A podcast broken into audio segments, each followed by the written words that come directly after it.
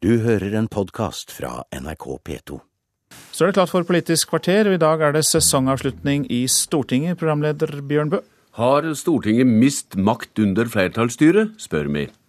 Og hvorfor kjøper ikke høyresida svensk sykelønnsordning?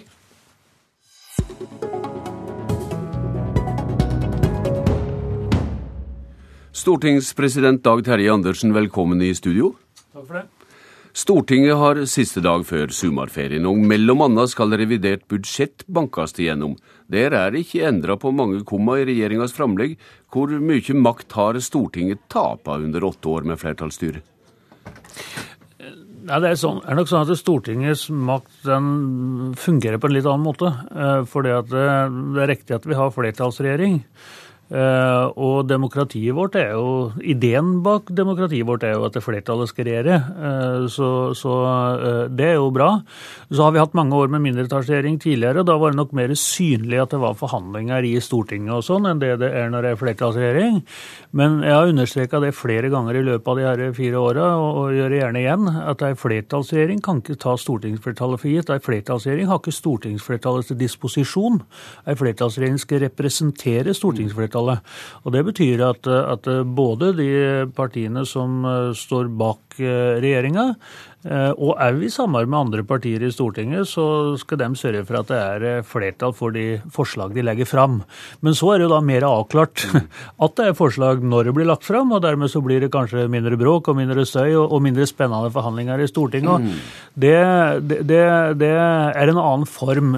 Og det vil jeg si at for mange formål i samfunnet, og det aller viktigste, stø og stabil styring, så er det jo bra at vi har flertallsregjering. Eh, enten det er den ene eller andre flertallsregjeringa. F.eks. når du skal lose landet gjennom ei finanskrise, så er det utrolig viktig at det er stabilitet og forutsigbarhet blant Bl.a. den økonomiske politikken, som jo i dag er tema i forbindelse ja. med revidert. Som du selv var inne på, det har tradisjonelt vært mye liv og røre og politisk tautrekking mm. på denne tida av året i Stortinget. Men du var også inne på at du har mer enn ynta om at, og mint om at det er Stortinget som har makta. Ja. Hvor mye frustrasjon har du merka også blant regjeringspartienes stortingsrepresentanter? Nei, men du vet, Det er aktive mennesker. Vi som driver med politikk, er engasjert i, i, saker. Det kan være for fylket vårt, for min del Vestfold, det kan være for saken vår øh, osv. Og, og engasjement, det finner du selvfølgelig. Og sjøl i en flertallsregjering så er det ikke sånn Nå spurte jeg om frustrasjon. Ja, nettopp. Og det var det jeg skulle komme til. fordi at Sjøl i en flertallsregjering så er det ikke sånn at hver enkelt av representantene i flertallspartiene bestandig får gjennomslag. Mm. Uh, og, og da er det klart at det er litt frustrerende når en brenner for noe men muligheten til å få gjennomslag er jo enda mindre når en har mindretallsregjering. Og da har òg frustrasjonen noen ganger vært der over at eh, en ikke får gjennomslag for det en trodde en hadde fått gjennom partiet sitt. Mm, det var en slags sjølmelding fra det indre liv i Stortinget. Visepresident i Stortinget, Laila Dove, velkommen til deg også. Takk for det. Hvordan har flertallsstyret verka for deg i opposisjonen? Det er veldig mye annerledes enn når jeg sjøl var i regjering, i en mindretallsregjering.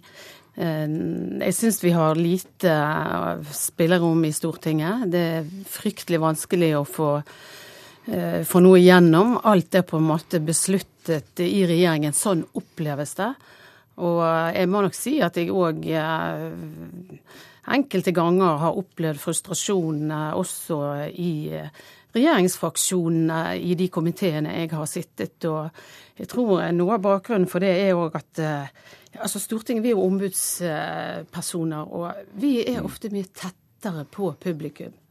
Vi har mye møter, mye mer direkte eh, med de det gjelder. Der er aksjoner utafor, der er mange høringer i Stortinget, og vi føler at vi har veldig lite påvirkningsmulighet. Eh, men eh, hvordan kan dette da bli annerledes under ei eventuell ny flertallsregjering der det er med?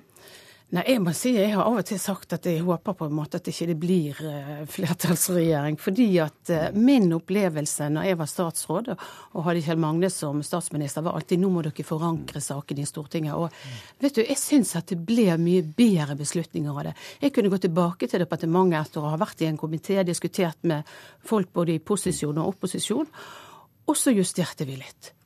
De siste ukene har Stortinget håndtert uhorvelig mange saker, og vi har hørt den obligatoriske klaga over at tempo kan gå utover kvaliteten i de politiske prosessene. Andersen, hvor uroa er du over regjeringas pushing av saker mot slutten av perioden? Ja, nå er det faktisk sånn eh, det denne gangen at det er ikke først og fremst eh, regjeringa. Eh, det har kommet mange saker fra regjeringa, og litt mer enn for fire år siden.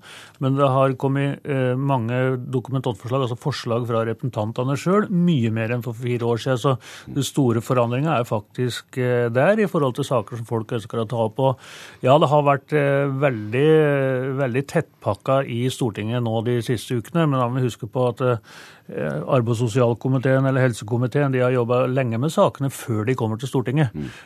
Så jeg er trygg på at eh, alle saker er grundig behandla, og at alle partier har fått fram synspunktene sine i de sakene. Selv om når de da samler seg opp på slutten av, av, av perioden, så er det klart at det blir mange lange dager i salen. Og mange vanskelige voteringer å sette seg inn i der en må lese av ark hva en skal røste, vil jeg tro. Laila Dovøy, du har selv sittet i regjering og vært på andre sida, for å si det slik. Kan de politiske rytmene egentlig noen gang bli annerledes? Nei, det er jo et system vi følger. Eh, men eh, hvis du tenker eh, Jeg vet egentlig ikke helt hva du spør om. Nei, jeg spør, om Er det ikke slik at når en har noe frister på saker, så vil en forholde seg til dem?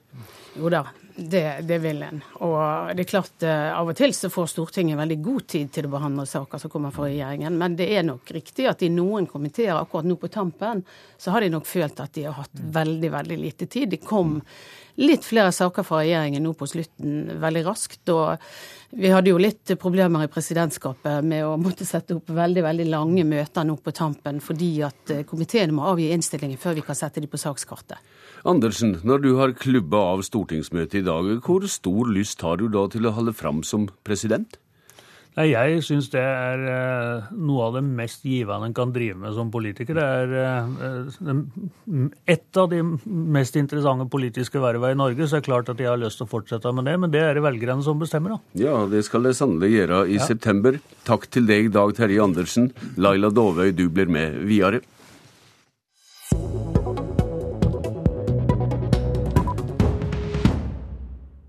Jeg tror Hvis jeg skal være litt personlig og litt ærlig, så tror jeg jeg ville hatt en eller annen avtaleform hvor begge parter egentlig betalte en del av regninga.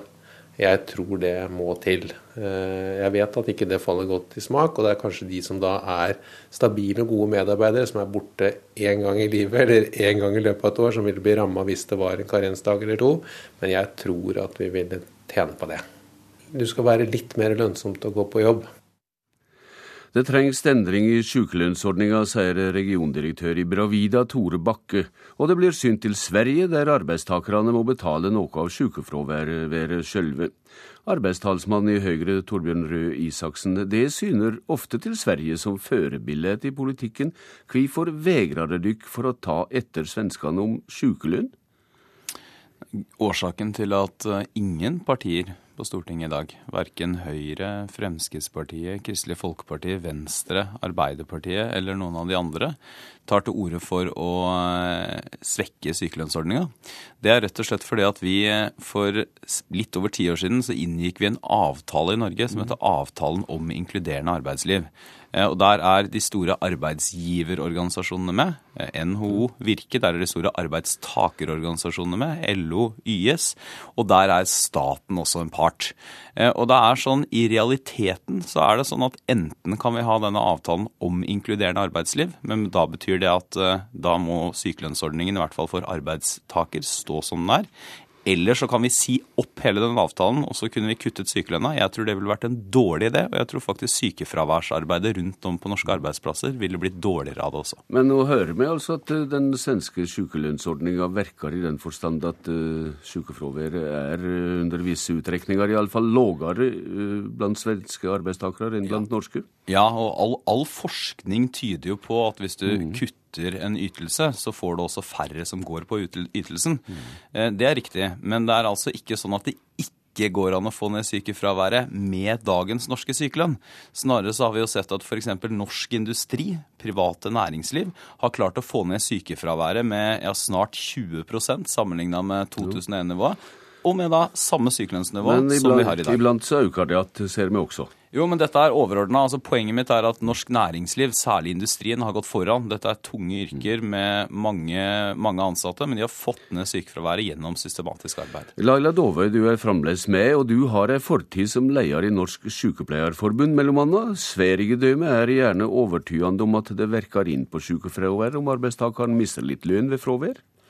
Nei, jeg er heller ikke tilhenger av å endre sykelønnsordningen, og heller ikke av det. Jeg hørte jo LO IT-forbundet tidligere i dag i, i, NRK, og de stilte jo et lite spørsmål ved statistikken også. De sier det at når det gjelder Sverige, så er det jo slik at det å normere en sykelønnsordning, altså det er så og så mange dager du kan være borte ved de ulike sykdomstilstandene, så faller de jo veldig raskt ut av sykefraværsstatistikken, for da går de over på en annen statistikk. Så man må jo bak tallene òg, for å virkelig kunne sammenligne her. Er sykelønnsordninga heilag varig verna i et eventuelt nytt politisk flertall der det er med?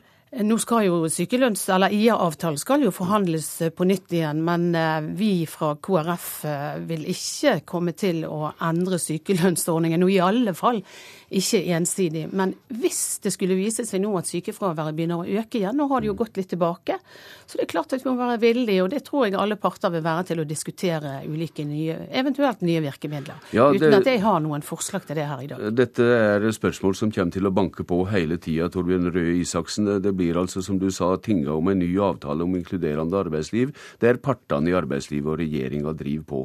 Dersom det får makta og overtar tingene til høsten, i hva grad blir det ei anna tilnærming ifra dykk? Eh, Nei, Det blir en annen tilnærming. eh, Og en av de første tingene vi må gjøre, det er å rydde opp i eh, det som er altfor byråkratiske virkemidler i avtalen om inkluderende arbeidsliv. Det er veldig dårlig bruk f.eks. av legenes tid, at vi skal sette dem i møter istedenfor at de skal bruke tida på å gjøre pasienter Men ingen friske. ny tilnærming når det gjelder selve sykelønnsordninga? Nei, altså, vi, vi, nei, altså vi, har, vi, har sagt at, og vi har sagt at sykelønnsordninga den står i neste fireårsperiode. Eh, og det er, det er Høyres utgangspunkt.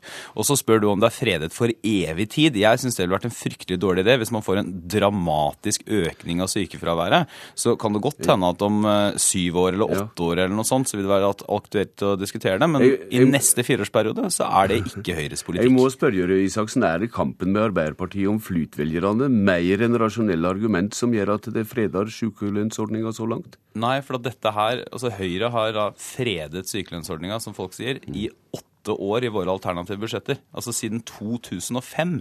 Og de fire årene før det så satt vi i regjering, og da foreslo vi heller ikke kutt i sykelønnsordninga. Og da var det jo til og med flertall for det på Stortinget. Grunnen til at vi ikke gjorde det, er for at da hadde vi inngått denne avtalen med partene i arbeidslivet. Og man kan ikke da ha en avtale med alle de store arbeidstaker- og arbeidsgiverorganisasjonene, og så ensidig bryte den fra statens side, og så forvente at fortsatt avtalen skal eksistere. Det går ikke an. Liten svenskesmitte her, Laila Dovøy. Det er ofte sagt at høyt sykefravær blant kvinner ikke er lett å forklare. Men i hva grad ser du en sammenheng med ei god sykelønnsordning i dette spørsmålet? Jeg tror det er veldig viktig å, å ha en, en god sykelønnsordning. Jeg er veldig glad for at vi er enige. Og hvis vi skal i regjering sammen, så blir det ikke noe press på sykelønnsordningen slik som den er i dag. Men det jeg har lyst til å påpeke, er at det som er aller, aller viktigst kanskje, det er at du har god ledelse. At du har en ledelse som tar vare på og gjør noe med arbeidsmiljøet. At du har en god ledelse som ser den enkelte arbeidstaker både før, under og etter sykefravær.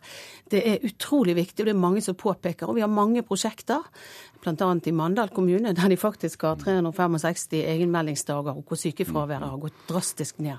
Så involvering fra ledelse er kanskje noe av det aller, aller viktigste. Eh, Røe Isaksen, kvinnefraværet, det er kanskje til uro for dere også? Ja, det er stort, og det er eh, delvis et mysterium. For det selv når vi kontrollerer for alle de, alle de mulige årsakene, altså f.eks. så får jo kvinner barn, det gjør ikke menn. Men kan det Eh, være sykelønna som er medvirkende? Nei, altså det er jo ikke noen grunn til å tro at sykelønna virker mer for kvinner enn for menn.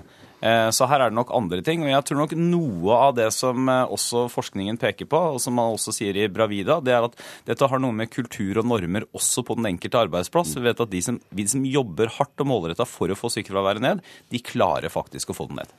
Altså, jeg tror eh, Hvis vi ser på utviklingen i arbeidslivet i dag, så har vi jo en industri som er mer og mer teknisk lettere og lettere å jobbe med. For kvinner I f.eks. kvinnedominerte yrkesgrupper i helsesektoren så er det meget tungt arbeid, og muskel- og skjelettlidelser florerer. Takk til dykk og god tur til avslutning av stortingssesongen. Politisk kvarter er slutt. Jeg heter Bjørn Bø. Du har hørt en podkast fra NRK P2.